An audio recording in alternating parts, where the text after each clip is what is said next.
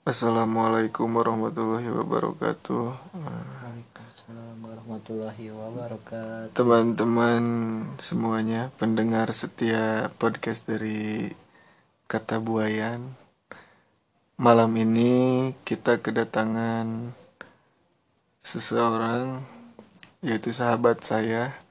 Beliau ini adalah pemuda pelopor bidang pendidikan di Kota Sukabumi pada tahun 2020 dan beliau juga adalah seorang penggiat atau orang yang selalu menginspirasi anak-anak untuk selalu membaca buku dan beliau juga telah mendirikan taman baca di kota Sukabumi. Beliau ini orangnya sangat inspiratif sekali teman-teman. Langsung saja ya kita ngobrol-ngobrol sama beliau. Namanya Kensa Nur Aziz. Bang Kensa, apa kabar?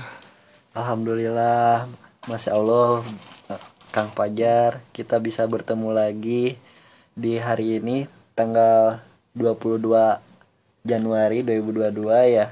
Sudah lama kita tidak bertemu dan sekarang akhirnya kita bertemu dan ingin saling berbagi dan alhamdulillahnya itu Kang Fajar ini adalah podcast ternyata.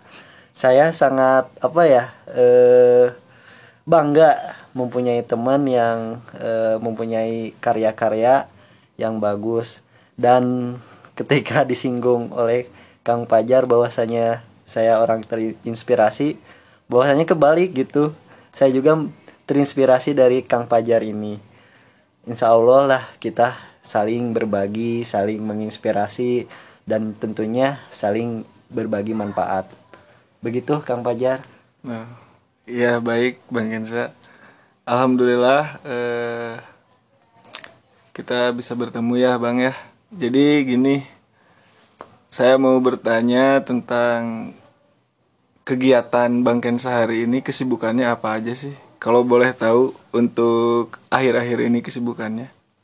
Kalau akhir-akhir hari ini kebetulan eh, karena saya masuk ke panitiaan Sukabumi Turis Festival ya. Jadi akhir-akhir ini saya eh, mempersiapkan eh, segala kegiatan yang akan eh, dilaksanakan nanti. Insya Allah acaranya itu akan dilaksanakan di bulan Februari pertengahan. Dan teman-teman semua mungkin ada yang mendengar di kota Sukabumi ataupun kota-kota yang de dekat dengan kota Sukabumi, Cianjur, Bogor, atau Bandung, teman-teman nanti di bulan Februari datang aja ke kota Sukabumi. Nanti ada acara Sukabumi Turis Festival. Di sana ada kegiatan lomba bahasa Prancis, kemudian eh, Sukabumi Tour Sukabumi Tour apa? Aduh lupa lagi saya juga sebagai panitia Sukabumi virtual tour. Jadi uh, kita tour melalui virtual gitu, virtual Zoom. Jadi eh, dalam waktu satu hari kita bisa mengelilingi kota Sukabumi dan Kabupaten Sukabumi. Insya Allah acaranya keren banget, pokoknya datang lah.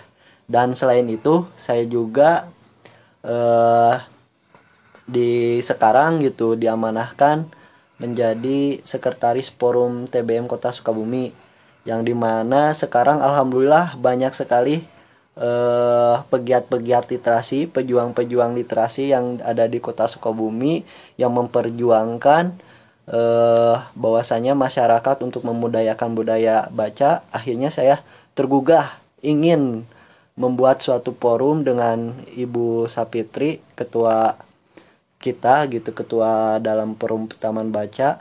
Semoga aja kita membuat gerakan-gerakan di kota Sukabumi sebagai apa ya menjadi kota literasi lah itu intinya target target kita dalam berorganisasi tersebut. Itu mungkin. Oh baik. Tuh untuk teman-teman semuanya yang ada di sekitaran yang mungkin dekat ya bang ya dari kota Sukabumi di pertengahan bulan Februari tadi udah dijelaskan sama Bang Kensa bahwasannya ada kegiatan yang bernama yang pertama kegiatannya itu apa? Sukabumi Turis Sukabumi Festival. Turis Festival. Yang kedua itu virtual tour ya. Ya, itu dalam Oh. rang- rangkaian acaranya. Oh itu rangkaian acaranya bisa diikutin ya teman-teman dan bisa datang juga ke kota Sukabumi ya. Ya, Mungkin lebih jelasnya itu bisa dilihat di Instagram eh, Masata Sukabumi Raya ya. Karena itu eh, apa ya? bukan nggak dipisah Sukabumi Kota dan Sukabumi Kabupaten jadi eh, digabung Masata Sukabumi Raya. Jadi Masata itu singkatannya itu Masyarakat Sadar Wisata. Nanti saya masukin di deskripsi ya teman-teman bisa dicek Instagramnya ya. Oke, eh, kita berlanjut lagi eh, ke pertanyaan selanjutnya. Yang ingin saya tanyakan itu, Bang Kensa ini terinspirasi membuat taman baca itu dari mana sih? Kok bisa bisa kepikiran gitu? Soalnya gak semua orang bisa kepikiran buat taman baca gitu. Gimana tuh bang tuh penjelasannya? Ya, kalau melihat eh, saya membuka taman baca ini, saya juga gak kepikiran gitu bakal seperti ini. Awalnya mula itu saya eh, karena saya itu hobi membaca buku juga dulunya. Jadi eh, ibaratnya itu eh, ingin menyalurkan hobi-hobi saya tentunya dan juga ingin apa ya buku-buku saya yang ada di rumah gitu tentunya di rak buku eh, bukan sekedar jadi pajangan gitu. Saya ingin berbagi juga ke ke sama gitu.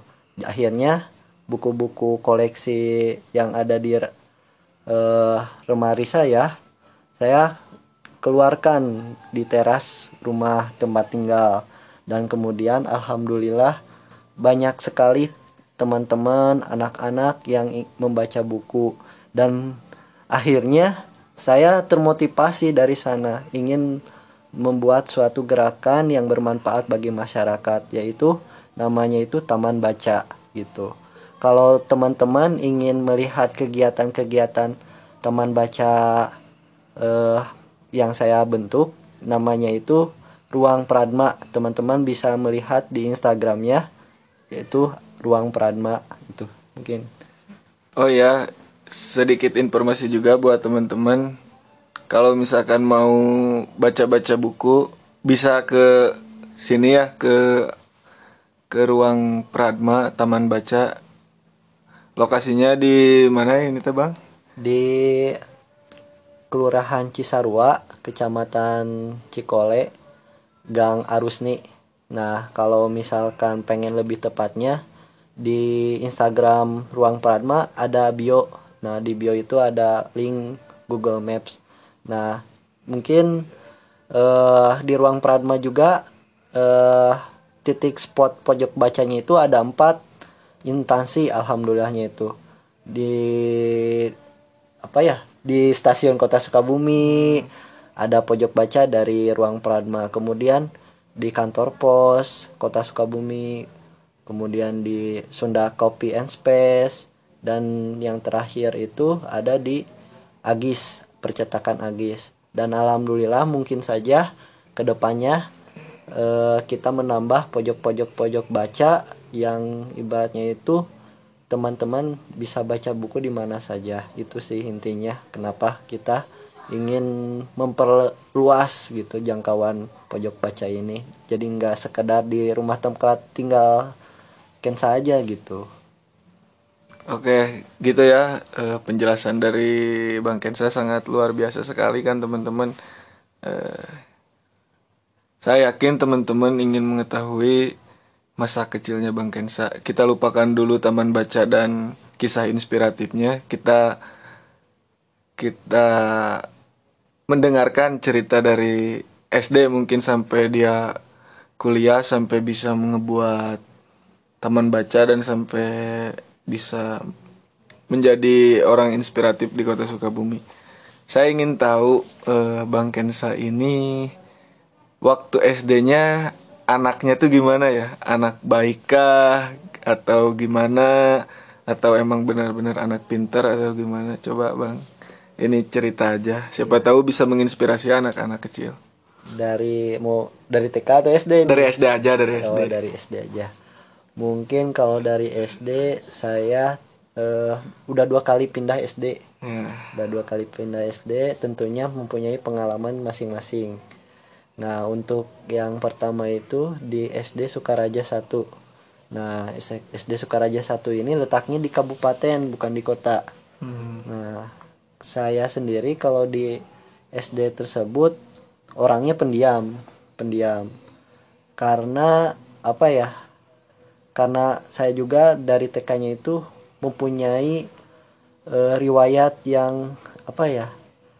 Sangat apa ya? Sangat yang sangat ingin dilupakan tapi masih selalu diingat gitu. Karena saya itu eh, apa ya? pernah dibully juga di TK gitu. Kemudian akhirnya berdampak ke SD di Iya, iya, itu dan alhamdulillah saya dipindahkan karena kar- karena tuntutan pekerjaan ayah saya yang pindah ke kota Sukabumi. Saya pindah ke kota Sukabumi. Nah, di SD ini saya ingin aktif, saya ingin beraktif, saya ingin ikut eh, kegiatan-kegiatan yang bermanfaat. Tentunya seumuran segitu saya udah berpikiran seperti itu sebetulnya. Nah, saya ikutan kegiatan eh, dokter kecil. Nah, dokcil namanya. Namun di sisi lain saya tuh sering sakitan di SD itu karena saya lahirnya itu prematur 8 bulan. Nah, kalau kata dokter mah kalau lahiran 8 bulan itu eh, apa ya? eh, sedikit istimewa tapi ada resikonya gitu. Nah, saya tuh kalau apa ya kedinginan sedikit suka sakit. Nah, saya punya riwayat penyakit asma ya. Jadi kalau misalkan kedinginan sedikit asma, kalau kecapean sedikit asma. Nah, kalau misalkan bisa dihitung lah dalam waktu sebulan saya bisa ke rumah sakit dirawat seminggu sebulan itu bisa kalau di waktu SD itu Sebulan se- ya sekali. mm, sebulan sekali nah pelajaran tentunya tertinggal tapi bagaimana caranya saya gam apa ya eh, untuk mengejar pelajaran tersebut eh, saya belajar gitu mm, Baik. dengan itu nah kalau untuk lanjut ke SMP Jangan dulu, jangan oke dulu. Ya. siap Eh, jadi ada beberapa poin yang bisa saya ambil ya. Yang pertama eh, so- masalah tadi pernah menyentil sedikit masalah bully membuli. Jadi saya harap untuk teman-teman yang dengerin ini jangan pernah ngebully siapa pun karena dampaknya itu sangat luar biasa sekali teman-teman. Dan yang kedua, memang beliau ini dari kecil sudah eh, punya inisiatif ya untuk berpikiran seperti apa yang harus dikerjakan ya dari kecil. Iya. Jadi makanya tidak heran lah kalau memang beliau ini sangat menginspirasi sekali. Nah sebelum lanjut ke SMP nih, eh, Bang Kensa waktu SD kenal cinta-cintaan gak nih? Nah, mungkin teman-teman juga pada ingin tahu ya. Coba Bang bisa dijelaskan. Ya, kalau masalah percintaan sih saya belum belum sih belum di waktu SD itu belum mengenal tentang gitu cinta itu seperti apa. Kar apalagi saya itu jarang sekolah gitu karena sering sakit juga. Namun di sisi lain saya ada rasa apa ya? cerita yang tidak pernah apa ya yang bisa teringyang-yang gitu untuk ke depannya yaitu gimana ya kalau masalah SD itu suka nih kalau deket sedikit dengan cewek yang lain suka dicie-ciein Iya, gitu iya, dan iya. yang Dijodoh-jodohin ibaratnya seperti mah. itu ibaratnya tapi kan kita nggak tahu itu cinta itu seperti apa iya. gitu beda sekarang dengan zaman sekarang SD pun apa ya udah manggilnya itu udah Ayah, mami bunda. papa ayah bunda kalau zaman saya waktu SD itu nggak ada paling dicoretan di meja gitu. Pakai tip X Eh, sama pakai tip X pulpen, nah, yang pulpen, kayak gitu. Eh. nanti kalau ketahuan sama ibu guru wah Dihapus dimarahin. dihapus. Siapa ini namanya cina? Padahal yang nulis bukan namanya itu yang dicari nah, nu dicarikan nanti maaf nih bahasa Sunda karena Iya, saya iya, orang orang, Sunda. Sunda. juga ya. Gak mau eh, apa terlibat apa ya eh, kita bahas yang debat-debat yang itu nih oh menyinggung jangan ya. menyinggung menyinggung. Jangan jangan Jangan, jangan. oke siap lah. Kayak gitu. Biasanya kan kalau misalkan anak SD itu waktu dulu ya waktu zaman saya itu masalah percintaan itu suka ditulis di bor. Nah, pakai waktu zaman itu masih pakai kapur. Nah. masih pakai kapur kan. Ya. Ya udah itu SD oh iya bang Kensa waktu SD eh, ranking nggak? Ranking nggak? Pengen tahu juga nih Kalau untuk ranking karena eh, Kensa sendiri itu sering sakitan juga, jadi ku- kurang ke apa ya? Kurang dalam eh, pembelajaran langsung oleh ibu guru gitu. Saya nggak ada ranking sebetulnya dari ranking dari e- kelas 3 sampai kelas 5. Namun di akhir kelas 6 waktu UN ya, ujian nasional, saya itu benar-benar belajar dan ibaratnya itu saya nggak mau gitu tertinggal eh, apa eh tertinggal karena sakit menjadikan alasan saya untuk apa tidak punya prestasi gitu. Dan alhamdulillah waktu itu eh, saya meraih eh, nilai terbaik sekota Sukabumi eh, dalam eh, ujian nasional itu SD gitu. Alhamdulillah gitu. Oh gitu. Ya Orangnya suka sakit-sakitan. Tapi bisa dapat nilai tertinggi Ujian nasional ya. Ya, Sekota Sukabumi SD Sangat jenius sekali ya teman-teman. Luar biasa sekali. Sebetulnya saya kalau dipikir IQ saya kurang. Saya gampang pelupaan orangnya asli. Teman-teman waktu kuliah dan yang lainnya juga eh, saya itu emang gampang pelupaan dan itu pun bukan dari kuliah juga dari SD pun sama pelupaan. Namun ketika saya baca buku saya giat terus gimana saya caranya supaya ingat terus makanya saya harus baca gitu terus-terus dan bukan sekedar baca tapi harus memahami eh, bacaan itu. Seperti orang bilang eh, orang-orang seniman dan orang-orang berfilosofi ya buku itu adalah benda mati tapi dia bisa hidup ketika dia dibaca. Nah teman-teman jika ingin buku itu hidup maka bacalah buku itu. Karena buku-buku itu hidup ketika kita membaca dan mengamalkan isi buku itu. Insya Allah eh, apa yang kita kerjakan akan menjadi seperti buku yang apa menjadi apa bermanfaat bagi si pem- pembuat bukunya. Dan tentunya kita pun bermanfaat untuk eh, kepada kita beribadah kepada Allah. Hablum minallah dan hablum minannas minanas. nah seperti itu. Berhubungan dengan manusia. Oke untuk masa SD-nya seperti itu ya teman-teman. Eh, Sangat Apa ya Sangat jenius sekali Bang Kensa ini. Kita masuk ke SMP eh, Gimana nih masa-masa SMP Ya, kalau masa-masa SMP ini kebalik ternyata teman-teman, karena eh, dari sisi kan masa SMP itu masa yang paling ingin menonjol tentunya, Mencari jati diri lah. Mencari jati diri. Saya ingin terlihat gagah di hadapan wanita, ya seperti itulah. Mungkin Oke. eh, waktu SMP itu seperti itu. Tapi saya apa ya, gak apa eh, jarang nakal dengan cewek. Padahal pengen kelihatan eh, gagah, Gagah. gitu. Berwibawa lah. Ah, berbawa sampai-sampai saya apa ya ikut nge BM tahu kan nge BM naik-naik truk gitu kan berani mati. Ya itu nah saya Dadayakan lah Untuk coba orang Sunda lah Papalidan lah. Nah, papalidan. Papalidan. Saya pernah pengalaman itu, tapi jangan ditiru ya. Eh, waktu itu saya nge BM sampai ke Bandung.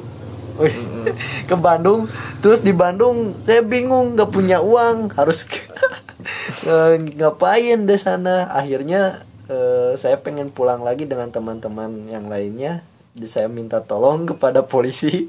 Tolong saya pulangkan. Dan polisi polisi itu apa membantu lah. Alhamdulillah eh, membantu untuk menyetopkan kendaraan. Waktu itu engkel.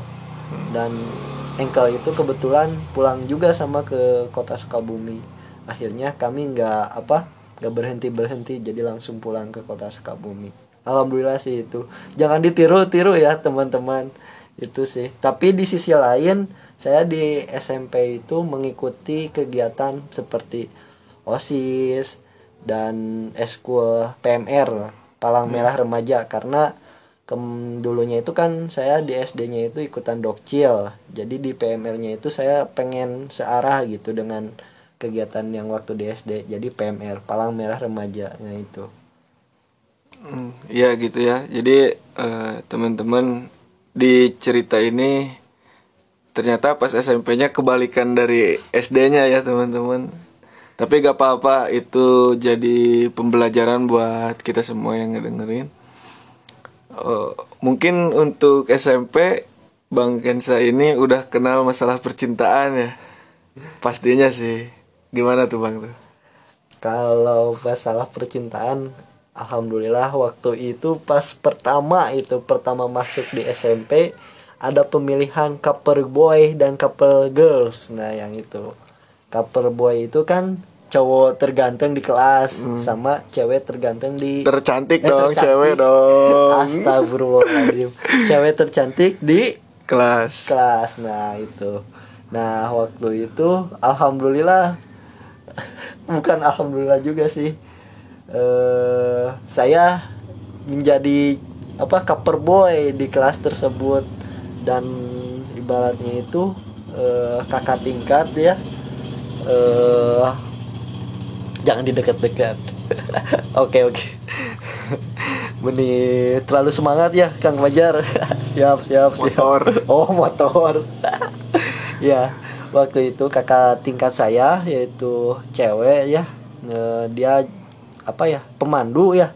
Kalau pas waktu masuk SMP itu kan ada pembagian apa kayak namanya itu Kelompok masa itu, kelompok, oh, itu kelompok. masa Bagian pengenalan dan taarufnya yang kayak gitu kan. Mos mungkin mos nah, lah. nah mos nah itu. Nah di sana waktu itu kebetulan pemandu saya itu cewek gitu. Dan pemandu ceweknya itu suka sama saya. Sehingga pemandu cewek ini nembak ke saya. Uh harga diri saya mana gitu sebagai laki-laki ditembak dengan dengan apa sama cewek gitu. Nah perasaan saya dari sana saya nggak tahu mengerti apa itu cinta. Nah di sisi lain saya nggak mau eh, apa menyakiti Mengecewakan. eh, mengecewakan perempuan di sana. Akhirnya saya bingung dari sana. Saya nggak kontekan kalau ketemu sama dia saya pura-pura menghindar. Saya menghindar. Bukan cuek lagi. bukan cuek lagi takut. Eh, bukan takut karena apa ya?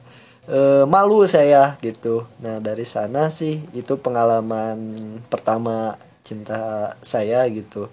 Dan akhir-akhir pas pertemuan selanjutnya mungkin karena dia baik karena dia peduli dengan saya mungkin saya juga ada apa ya ada rasa suka gitu Hmm. namun tidak melebihi batasan seperti itu mungkin itu Dari tadi ngobrolin SMP, SMP. Tahu gak sekolah SMP-nya di mana? Gak dijelasin juga kan ya. iya Bang Kensa ini sekolah SMP-nya di mana sih, Bang?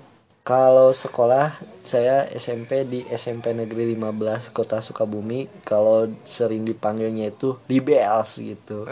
Nah kalau Libels ini waktu zaman dulu saya itu eh, kegiatannya itu selain apa ya selain belajar kita juga kalau ada konser-konser ya suka sering ber sering apa eh, berkontribusi Nonton lah, nonton lah. nonton lah nonton. Nonton- nonton Nah, di konser sana di sisi lain apa ya ya mungkin karena kita masih pelajar dan masih eh, apa ya mencari jati diri gitu seringlah sedikit eh, kita apa eh, saya sendiri tawuran seperti itu.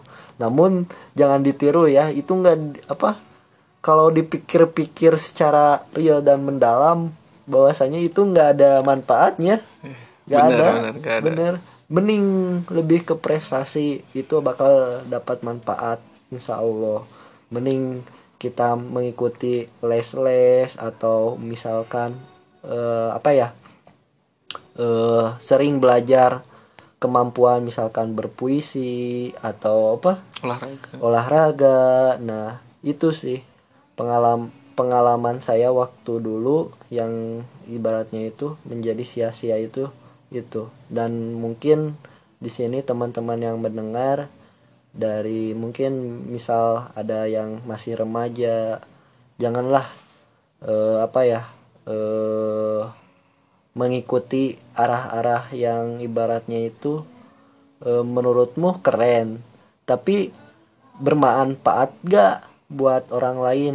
Jangan kalau misalkan tidak bermanfaat bagi orang lain orang lain janganlah gitu. Apalagi eh, apa ya merugikan orang lain. Minimal memanfaatkan diri sendiri aja gitulah pokoknya. Tetap semangat anak muda. Anak muda itu bet- sebetulnya eh, paling harus kita lakukan dalam kegiatan-kegiatan positif sebetulnya itu sih Kalau kata Bung Karno mah berikan aku 10 pemuda akan keguncangkan gu- dunia. Tapi dibantah oleh Abdur Arsad. Beliau bilang tapi itu kurang untuk kesebelasan timnas sepak bola. Makanya timnas Indonesia gak pernah masuk ke Piala Dunia. Nah, itu hanya sekedar itu aja, gurauan aja. Untuk kan tadi SD eh, SMP mendapatkan nilai tertinggi pas UN. ya Nah, di SMP dapat lagi gak itu atau malah kebalikannya atau tetap bisa mempertahankan nilai? Gimana tuh, Bang? Nah, kalau di SMP ini alhamdulillah saya mempunyai ranking ya. Walaupun gak lima besar, saya masuk ke 10 besar ranking. Alhamdulillah. Di sisi lain prestasi saya yaitu di bidang eskul PMR Palang Merah Remaja. Saya mengikuti perlombaan-perlombaan eh, dan alhamdulillah menang gitu. Waktu itu kan di PMR itu kalau teman-teman pengen tahu gitu apa PMR, PMR itu semacam eh seperti PMI Palang Merah Indonesia. Indonesia. Nah, yang itu. Saya kenapa masuk PMR ini selain eh selain dari saya waktu SD ikut dandokil karena sa- waktu itu eh saya terinspirasi dari eh ini peperangan dunia yang memakan banyak korban. Nah, waktu itu Henry Dunan ya kalau nggak salah Henry Dunan eh, apa menginisiasi kegiatan seperti eh, tim medis gitu. Nah, gimana caranya peperangan itu eh, korbannya itu meminal- meminimalisir gitu. Meminimalisir. meminimalisir korban ya dalam peperangan tersebut. Nah, alhamdulillah eh, saya terinspirasi dari situ. Saya ingin mengikuti minimal saya paham gitu. Ketika ada kecelakaan saya harus ngapain gitu.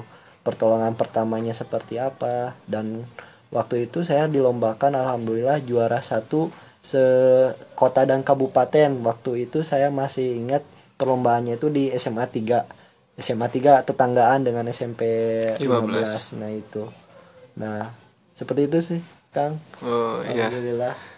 SD tadi prestasinya eh, dapat nilai ujian nasional sekota Sukabumi. SMP juga beliau ini mendapatkan prestasi yaitu di perlombaan PMR sekabupaten kota Sukabumi juara satu lagi. Emang jenius orang ini. Kita lanjutin ke SMA. masa SD udah kita skip masa SMP udah mungkin pengalamannya lebih banyak di SMP ya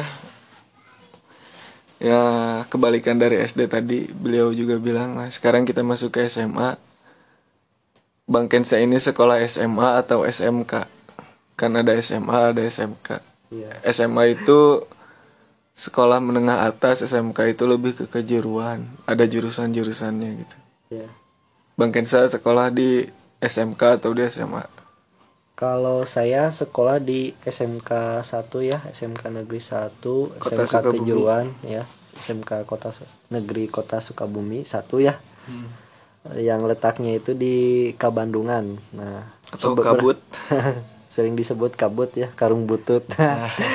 Itu sekolahnya itu berdekatan dengan SMK 3 nah kalau SMK 1 itu kebanyakannya laki-laki. Nah, kalau SMK 3 itu kebalikannya yaitu kebanyakannya perempuan. Nah eh, apa ya?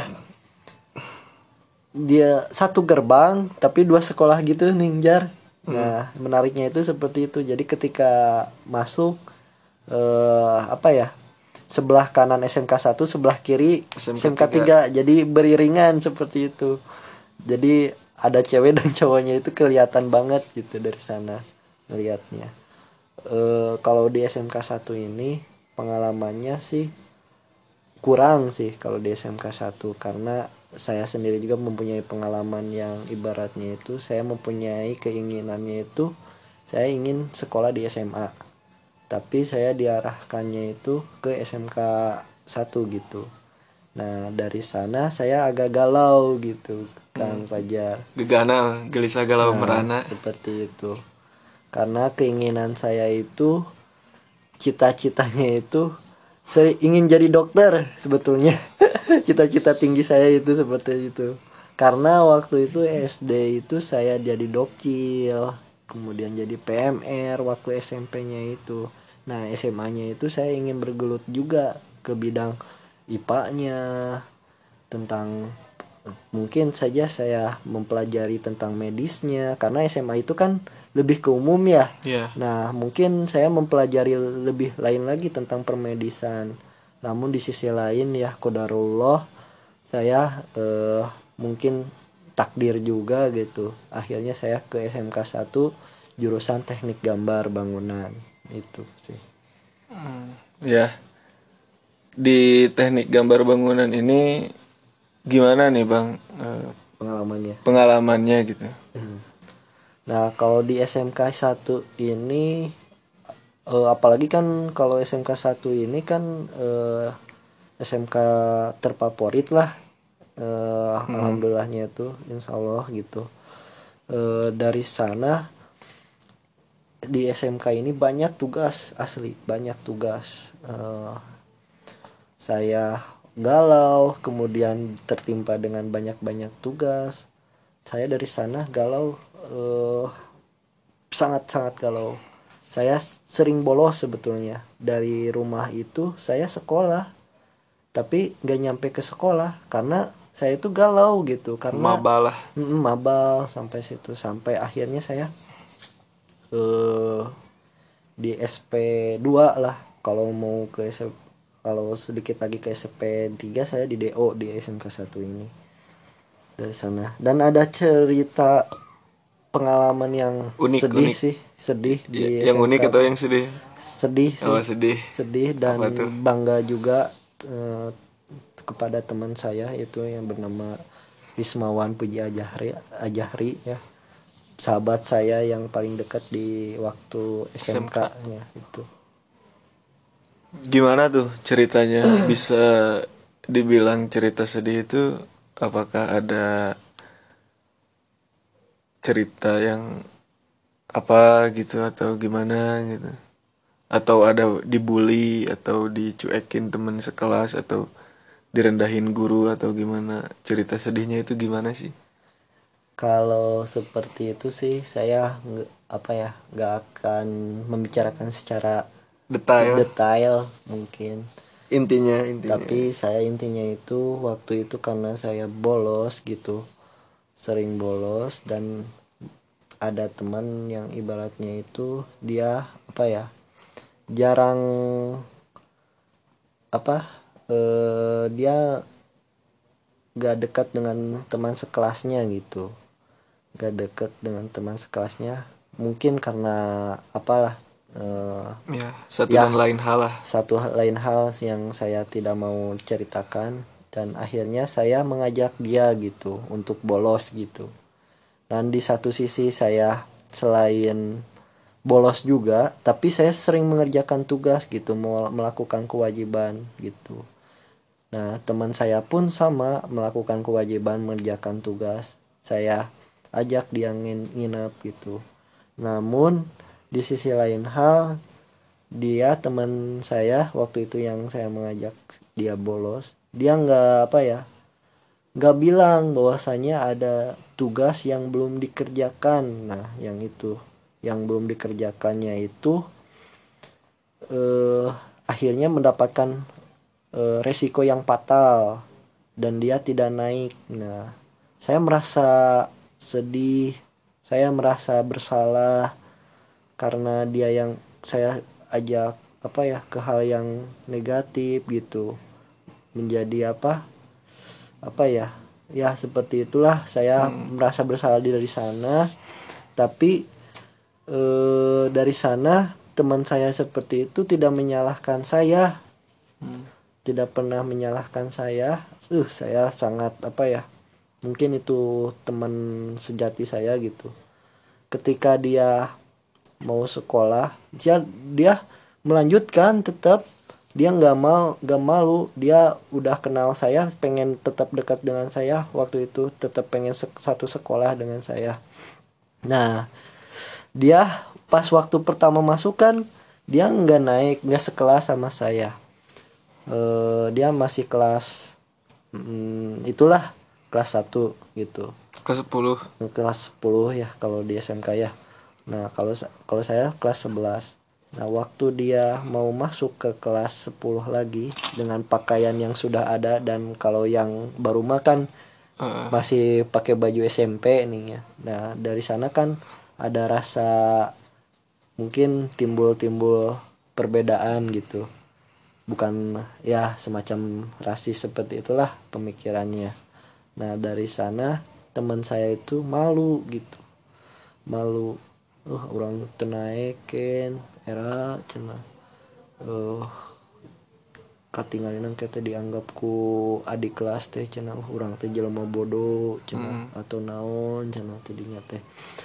Uh saya merasa bersalah dari sana. Oke Riz. Uh urang hampura ka maneh kudu nama lain maneh nu naik teh. Urang sebenarnya nama nu naik teh cenah teh akhirnya ini sesuai nama orang hadapi we orang bersama-sama kan sage eh, lebih de- lebih sering ke kelas Tismawan we engke cekin sate waktu itu teh. Nah dari sana saya mengantar teman saya. Dan waktu itu saya sih sebetulnya karena waktu pertama juga masa pem apa mos masa mos. pengenalan ya. Waktu itu mos. saya nggak apa nggak ke kelas nungguin teman saya yang belajar itu di apa di se apa masih kelas 1 gitu waktu itu. Karena saya merasa bersalah juga dari sana. Akhirnya alhamdulillah karena dia apa ya eh, dia mau berubah dia mm, berbaur dengan teman-teman sekelasnya dia udah apa selama udah ber- berteman walaupun dia nggak naik sekelas gitu. Dan saya ikut bangga gitu ketika dia eh sudah mempunyai teman-teman yang baik dan memperhatikan dia juga gitu. Nggak nggak sekedar butuhnya aja gitu. Mungkin eh, dia senang dan akhirnya saya pun senang dari sana. Saya sampai saat ini saya berteman dengan dia alhamdulillah kita saling berakrab gitu saling berbagi dan alhamdulillah dia juga ker- udah kerja di Jakarta. Mungkin itu saja. Salam dari saya. Pokoknya eh, teman sejati itu jangan pernah dilepas lah.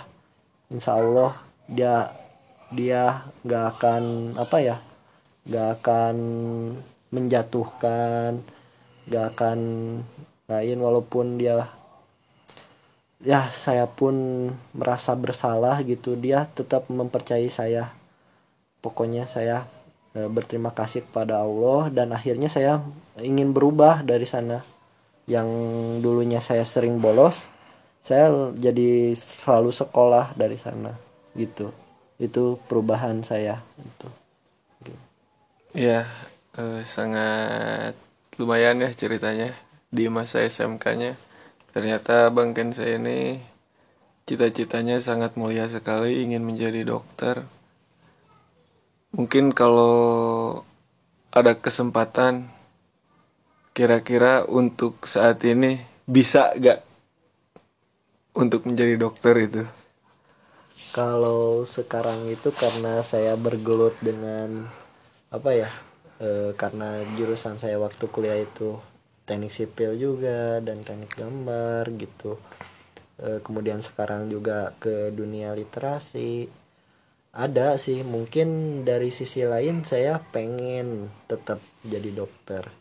Namun di sisi lain eh, saya sudah mempunyai apa ya ilmu yang lain gitu. Nah ilmu yang ini saya ingin manfaatkan gitu. Dari sisi mungkin cita-cita saya itu mungkin saja gitu. Istri, istri saya mungkin jadi dokter amin, saya dikuliahkan amin, atau amin, gimana amin, amin. gitu. Atau mungkin anak saya insya Allah jadi dokter. Amin. atau enggak kalau enggak anak saya mungkin teman saya yang jadi dokter yang Amin. bisa mem, apa saya menjadi bang, berbangga hati juga mempunyai dok, teman yang udah menjadi dokter. Atau mungkin cucu saya insya Allah pokoknya eh, itu kan masalah cita-cita. Masalah-masalah keinginan waktu SD pasti teman-teman semua kan cita-cita uh, itu kadang-kadang suka berubah-ubah. Nah saya pun sama cita-cita ya saya itu berubah-berubah gitu. Walaupun uh, apa ya terwujud pun belum gitu karena berubah-berubah. Mungkin kita sepertinya harusnya kita mengerjakan stay by step agar bisa melaksanakan cita-cita tersebut. Mungkin itu sih ya. mungkin yang dimaksud gini kali bang ya kita seperti menaiki anak tangga ya. mengejar suatu cita-cita itu kita tidak mungkin bisa langsung naik ke atas tapi kita harus melewati anak tangga itu ya. jadi ya kita ngelewatinya ya satu persatu tidak bisa dua per dua karena kan hmm. sulit juga ya oke itu ya untuk SD udah SMP udah SMK udah Oh iya kalau di SMK eh, prestasinya sama juga PMR atau beda dengan SMP? Kalau waktu SMK saya waktu itu sebetulnya masih ikutan PMR juga karena di SMK juga ada eskul PMR ya Palang Merah Remaja. Namun di sana saya ikut juga perlombaan. Nah, di satu sisi saya pernah ikutan lomba juga. Namun alhamdulillah juga juara juga. Juara waktu itu yang mengadakan acaranya itu di SMK satu Cibadak kalau gak salah itu. Pertanian? Bukan pertanian. SMK negeri satu Cibadak pertanian.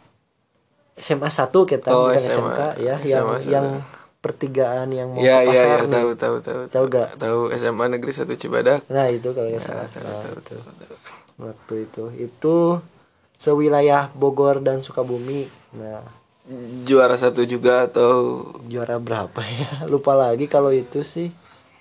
Mungkin juara dua kalau gak salah. Itu pun bukan per orang tapi per kelompok. Per grup. Per grup ya. Nah waktu itu kan e, per grupnya itu empat orang. Jadi saya hmm, ikutan lomba dengan teman-teman saya.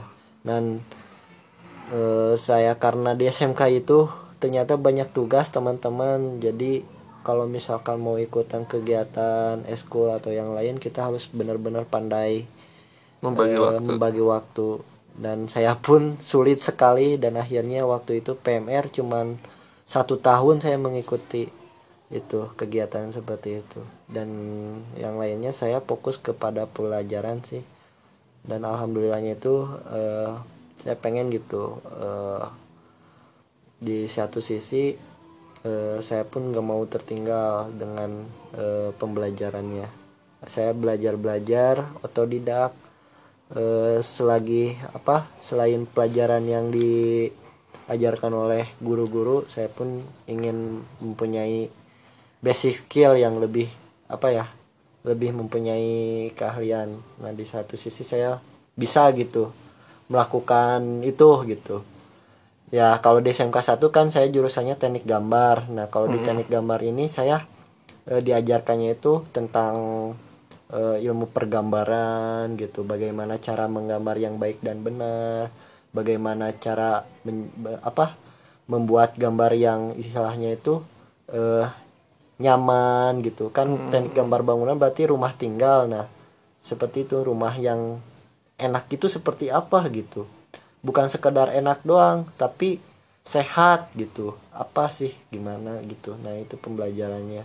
Namun da- di satu sisi lain tidak ada pembelajaran yang istilahnya itu semacam kalau waktu itu zaman saya itu kan komputer itu masih jarang ya. Ya ya komputer betul. masih jarang. Jadi eh, di sekolah belum mempasila- ada memfasilitasi. ada sebetulnya komputer-komputer cuman terbatas gitu dari sana. Akhirnya saya eh, belajar di luar gitu. Belajar di luarnya itu bukan les bukan. Karena waktu itu ada buku buku semacam buku eh, tentang pelajaran seperti itu. Ya makanya saya mempelajari buku tersebut. Bagaimana cara mengaplikasikan aplikasi aplikasi-aplikasi yang terkait dengan jurusan saya. Itu sih. Oh gitu ya. Ya udah bang Ken ini udah durasinya ya. Ya eh, untuk masa kuliahnya teman-teman nanti lagi aja Eh, di sesi kedua mungkin. Iya di sesi kedua mungkin jadi gitu ya teman-teman. Eh, saudara Bang Kensa ini beliau ini penggiat literasi di kota Sukabumi. Oh ya Bang. Sedikit pesan mau banyak juga gak apa-apa buat teman-teman yang ngedengerin podcast ini. Ada gak yang ingin disampaikan? Pesan pesan mau quotes mau apa pun itu mau pesan singkat mau apa pun itu boleh. Ya mau panjang juga gak apa-apa mangga ya sebagai orang muslim tentunya kita harus melaksanakan kewajiban. Kewajiban yang kita laksanakan itu kan eh, sholat kemudian eh, puasa dan juga bukan yang itu juga sih ada lagi yaitu eh, berbakti kepada orang tua saling menolong dan tentunya eh, bisa bermanfaat juga dengan eh, manu- dengan manusia yang lainnya seperti itu. Selain setelah kita melaksanakan kewajiban kita tentunya bisa mendapatkan hak gitu. So, jangan pikir kita ingin mendapatkan hak tapi kita tidak pernah melaksanakan kewajiban. Kita harus melaksanakan kewajiban dulu baru kita mendapatkan hak. Tapi lebih bagus kita kalau mendahulukan hak orang lain dibanding dengan hak kita. Karena itu ibadah tentunya teman-teman. Jangan pernah putus asa ya teman-teman di masa SMP dan SMA itu eh, sering terjadi apa ya eh, kegundahan dan membuat teman-teman semua eh, apa terbawa suasana yang di mana eh, saya kalau misalkan tidak seperti ini saya takutnya ini gitu jangan terbawa seperti itu tapi eh, jangan putus asa juga ketika kamu mempunyai keinginan.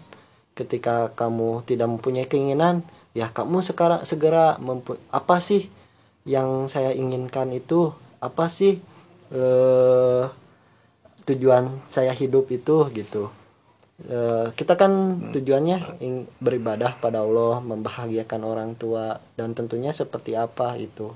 Gimana caranya? Pasti teman-teman mempunyai apa eh caranya masing-masing. Pokoknya eh, selagi muda kita harus selalu berkarya. Jangan pernah eh, dengar omongan-omongan negatif-negatif orang lain. Tetap, tetap menjadi diri sendiri itu sih. Mungkin eh saya juga akan di sesi kedua pengen berbagi lagi dengan Pak Kang Pajar dan yang lainnya. E, waktu saya kuliah e, saya hmm, apa awalnya itu gak percaya bakal seperti ini gitu. Karena saya dari basicnya itu kan di SMK kan mau di DO nih. Nah mungkin di SMK juga nggak akan benar gitu eh di perkuliahan juga nggak akan benar gitu. Nah dari satu sisi sih saya merasa sakit hati de dengar omongan itu tapi saya membuktikan gitu di perkuliahan nanti. Itu sih waktu waktu dulu itu. Oke uh, jadi gitu ya teman-teman. Tadi pesannya sangat bagus sekali. Jadi uh, ada sedikit juga dari saya untuk teman-teman yang masih sekolah. Teman-teman boleh mencari jati diri. Carilah jati diri teman-teman, tapi mencari jati diri itu harus dengan hal-hal yang positif. Uh, terima kasih buat teman-teman semuanya. Tetap bersyukur, tetap uh, humble dan jangan lupa terus bahagia. Terima kasih Bang Kensa untuk waktunya. Eh, sekian ya. Wabillahi taufiq wa hidayah. Wassalamualaikum warahmatullahi wabarakatuh.